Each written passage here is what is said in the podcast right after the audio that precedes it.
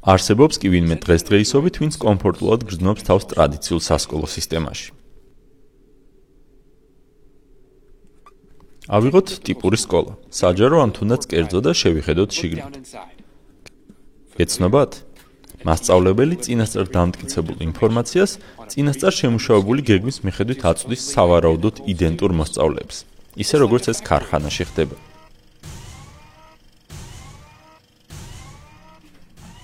მიიჩნევა, რომ მოსწავლის გონება სკოლამდე არის სრულიად სარიელი, რომელიც უნდა შევისოს სავალდებულო სასწავლო გეგმის მიხედვით.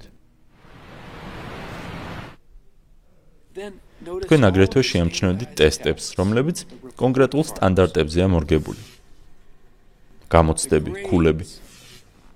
საინტერესოა ბავშვთან გვაქვს საქმე თუ საჯარო ქონებასთან.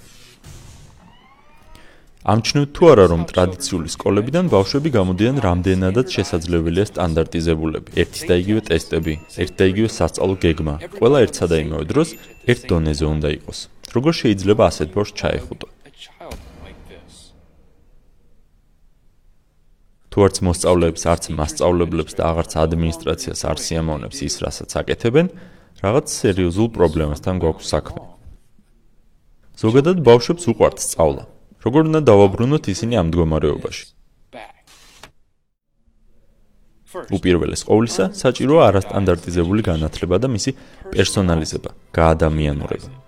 მეორე, საჭიროა სხვადასხვა ასაკის ბავშვებს ერთ ჯგუფებში გაერთიანება, ისე რომ მათ შორის განსხვავება 3 წელი მაინც იყოს. მათ მიერ განხორციელებული აქტივობები კი უნდა იყოს მრავალფეროვანი და საინტერესო. სწავლება, სწავლა, ლიდერობა, სისტემური აზროვნება და ერთიანობის შეგრძნება სასწავლო ოთახის განუყოფელი ნაწილი უნდა იყოს. მათ თავი ისე უნდა იგრძნონ, როგორც საკუთარ სახლში და არა ქარხანაში. მესამე, უნდა გაუქმდეს ყველანაირი ტესტი. მოსწავლეებს უნდა მიუცეთ საშუალება თავად მიიღონ მონაწილეობა მნიშვნელოვანი ცხოვრებისული პროექტების პრაქტიკაში განხორციელებაში, სადაც თვითონ გაარკვევენ, რა მუშაობს და რა არა, რა შეიძლება იყოს წარმატებული და რამ შეიძლება მარცხი განიცადოს. ბავშვებს უნდა მიუცეთ საშუალება თავად დაკონტროლონ მათი სწავლის პროცესი. და ბოლოს, დაფიქრდით, როდის გაატარეთ ბოლოს ხარისხიანად დრო თქვენ შვილთან ერთად, მასთან საუბარში, სიარულში, აღმოჩენებში. თქვენ ნახავდით, რომ თქვენ შულს აინტერესებს დედამიწა. ყურადღებას აქცევს ყველაფერს და სავსეა ცნობის მოყარეობით. თქვენ ნახავდით, რომ თქვენი შვილი სიხარულით სწავლობს. სწორედ ასე უნდა იყოს სკოლაშიც. ეწვიეთ მონტესორის კლასებს.